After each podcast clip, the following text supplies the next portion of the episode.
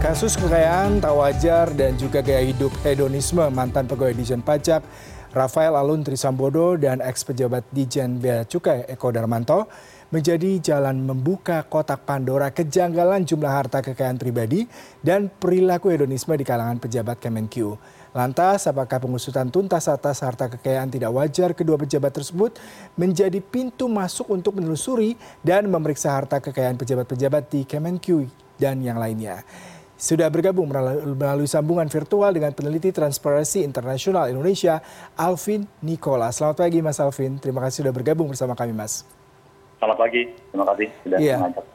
Mas Alvin, apakah kejadian-kejadian terkait dengan harta kekayaan pejabat yang tak wajar yang akhir-akhir ini mencuat di publik, termasuk kondisi yang mengejutkan atau sebenarnya Anda sudah merasakan hal ini sesuatu yang akan terkuak sepertinya? Yang pertama memang justru yang mengejutkan itu bukan nominalnya begitu ya.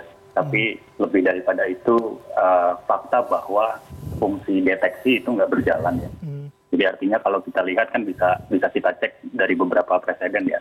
Satu RHT itu sudah sudah janggal begitu ya. Dilaporkan PPATK sejak tahun 2012 uh, atau yang lain katakanlah pegawai Kemenkyu yang kemarin dilaporkan ya apa namanya ada 69 itu juga juga uh, terindikasi sudah dari tahun 2009 bahkan jadi artinya sudah empat kali ganti menteri tapi tidak uh, cukup ada tindakan begitu ya yang proper.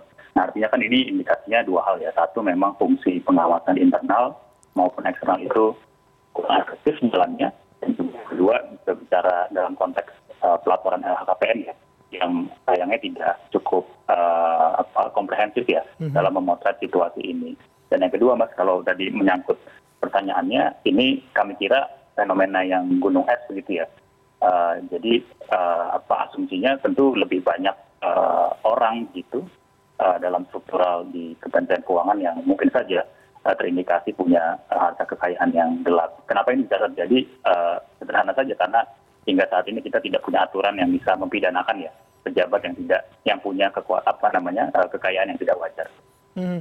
Mas kalau tadi Anda menekankan memang dari segi pengawasan, kemudian juga pelaporan LKKPN, juga peraturan perundang-undangan yang menjerat para pelaku, terutama dari para pejabat mengenai transaksi-transaksi maupun kegiatan-kegiatan keuangan yang mencurigakan. Lalu Anda melihat sebenarnya LHKPN selama ini dilaporkan itu memang tidak sesuai dengan prosedur, ada kelemahan, lalu seperti apa Anda mengevaluasinya? Iya, saya kira kalau kita baca uh, instrumen lhkpn ya sejak awal itu memang didesain ya. Tampaknya didesain sejak awal uh, seperti uh, macan yang tidak punya gigi ya. Mm-hmm. jadi bukan lagi macan ompong nih mas kalau macan ompong giginya masih tumbuh lah nah ini kira-kira tidak sama sekali. Kenapa? Karena memang dia hanya menjawab kebutuhan administratif ya. Bicara mm-hmm. soal pendataan. Padahal kalau kita baca lebih luas uh, problem korupsi kita itu ada di konflik kepentingan. Nah sayangnya lhkpn sebagai sebuah instrumen pelacakar ya deteksi tadi tidak mampu menjawab hal itu.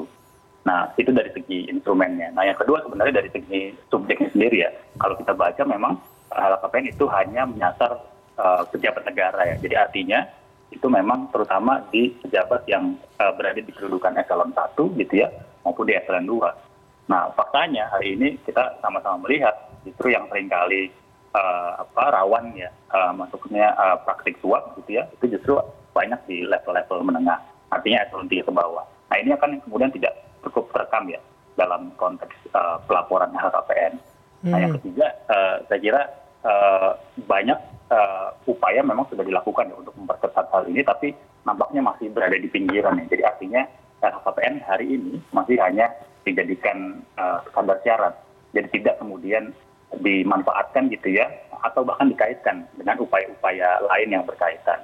Berapa banyak sih kemudian upaya penyelidikan di KPK gitu ya ataupun negara hukum yang kemudian memanfaatkan uh, LHKPN sebagai pintu masuk katakanlah seperti itu. Jadi uh, praktis sulit sebenarnya membayangkan uh, audit kekayaan lewat metode LHKPN ya, itu bisa benar-benar efektif.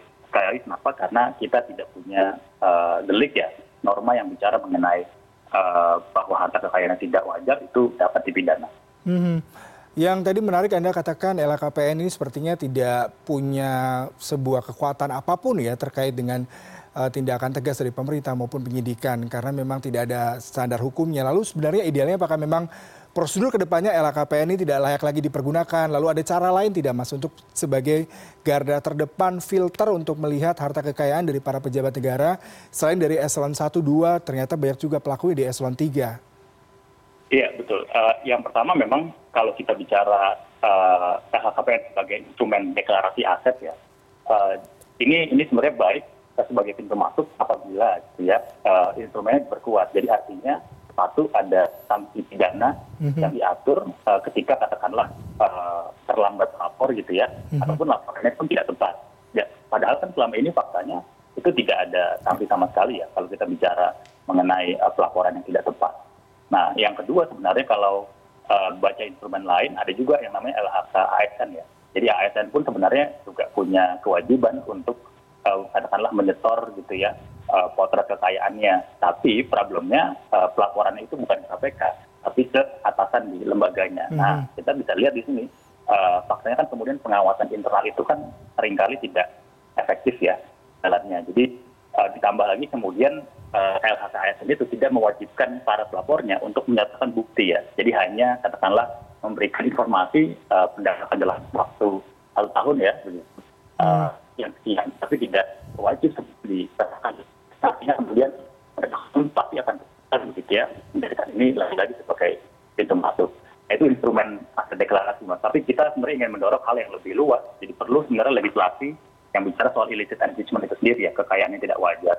Ini sudah didorong sebenarnya sejak 20 tahun yang lalu ya di level global lewat konvensi anti korupsi bahwa penting sebenarnya negara-negara termasuk Indonesia ya untuk mengatur uh, norma yang bicara soal uh, kekayaan tidak wajar. Apakah itu diatur dalam undang-undang tipikor, diatur mekanismenya dalam kuhap, ataupun kalau saat ini mas momentumnya sebenarnya penting untuk mendorong segera RUU perampasan aset ya, karena di sana juga bicara soal nggak hanya proses pidana tapi juga proses perdata. Jadi itu sebenarnya hal-hal yang kami rasa penting harus beyond LHPN begitu ya, karena faktanya hari ini uh, instrumennya gagal berjalan gitu secara uh, komprehensif. Hmm. Dengan instrumen yang gagal berjalan secara komprehensif, kemudian juga tidak ada perangkat hukum yang bisa memberikan kekuatan hukum bagi uh, pemerintah terkait dengan LKPN dari catatan Transparansi Internasional Indonesia, apakah hal ini seperti sudah lazim ya mas, sudah rahasia umum terkait harta-harta tidak wajar terutama untuk pejabat-pejabat yang memang mereka bertugas di institusi atau di departemen-departemen yang dalam tanda kutip basah seperti itu? Ya, kalau kalau kita lihat ya eh, banyak sebenarnya teori-teori korupsi juga uh, mengatakan gitu ya uh, ada namanya konsep GON ya uh, GONI dia bicara soal greed, bicara soal opportunity, bicara soal need dan juga expose. Nah, uh, apa opportunity dan expose itu domain organisasi. Jadi artinya memang ini yang bisa dikontrol, diatur oleh lembaga katakanlah seperti kebijakan pemberian remunerasi gitu ya uh, atau katakanlah soal tunjangan kinerja kalau dalam konteks uh, apa namanya pegawai publik kita tapi sering kali susah dilihat gitu ya adalah dan niatnya itu sendiri ya ketamakan itu sendiri. Hmm. Nah, ini saya kira juga juga uh, salah satu uh, indikasi utama ya kalau kita baca dalam uh, kasus belakangan ini yang menimpa Kemenkeu. Jadi artinya uh, gaya hidup penyelenggara negara lagi-lagi uh, harusnya tidak hedonis gitu ya karena di satu sisi memang melanggar kode etik bagi asn tapi di saat bersamaan juga memberikan indikasi gitu ya kepada publik bahwa bisa jadi ini faktor mendorong korupsi. Nah kalau kita lihat dalam uh, itu sebenarnya uh, monggo-monggo saja gitu ya, boleh-boleh saja sebenarnya untuk uh, apa uh, pamer kekayaan dan lain sebagainya, tapi yang harusnya dipidana adalah korupsinya. Nah ini sebenarnya hmm. yang selama ini instrumen itu uh, lemah ya jadi lebih fokus banyak ke uh, aspek uh, deteksinya tapi selama apa namanya proses penegakan hukum pengawasannya juga kurang proporsional ini kemudian akan tentu menyulitkan ya proses penegakan hukum itu bisa berjalan. Hmm. Mas Alvin yang menarik mengenai modus menyembunyikan harta ataupun transaksi ya, terutama dilakukan oleh pejabat. Kalau kita lihat Rafael Alun, sempat KPK kesulitan ini untuk melihat uh, modus dan motif seperti apa, kemudian juga harta ke mana saja. Nah kalau dari Anda sendiri maupun dari uh, pihak institusi Anda, sebenarnya seperti apa sih modus menyembunyikan harta kekayaan yang selama ini kerap dilakukan oleh oknum yang tak bertanggung jawab? Iya, kalau kita uh tempatkan pada konteks pencucian uang ya. Memang pada prinsipnya ada tiga tahap uh, umumnya ya mas kalau kita bicara soal itu. Satu dia bicara soal placement. Dua bicara soal layering. Ketiga bicara soal integration. Jadi placement itu katakanlah upaya ya uh, orang ini gitu ya penjahat ini untuk menempatkan dana yang dihasilkan dari suatu kegiatan tindak pidana ya ke dalam sistem keuangan.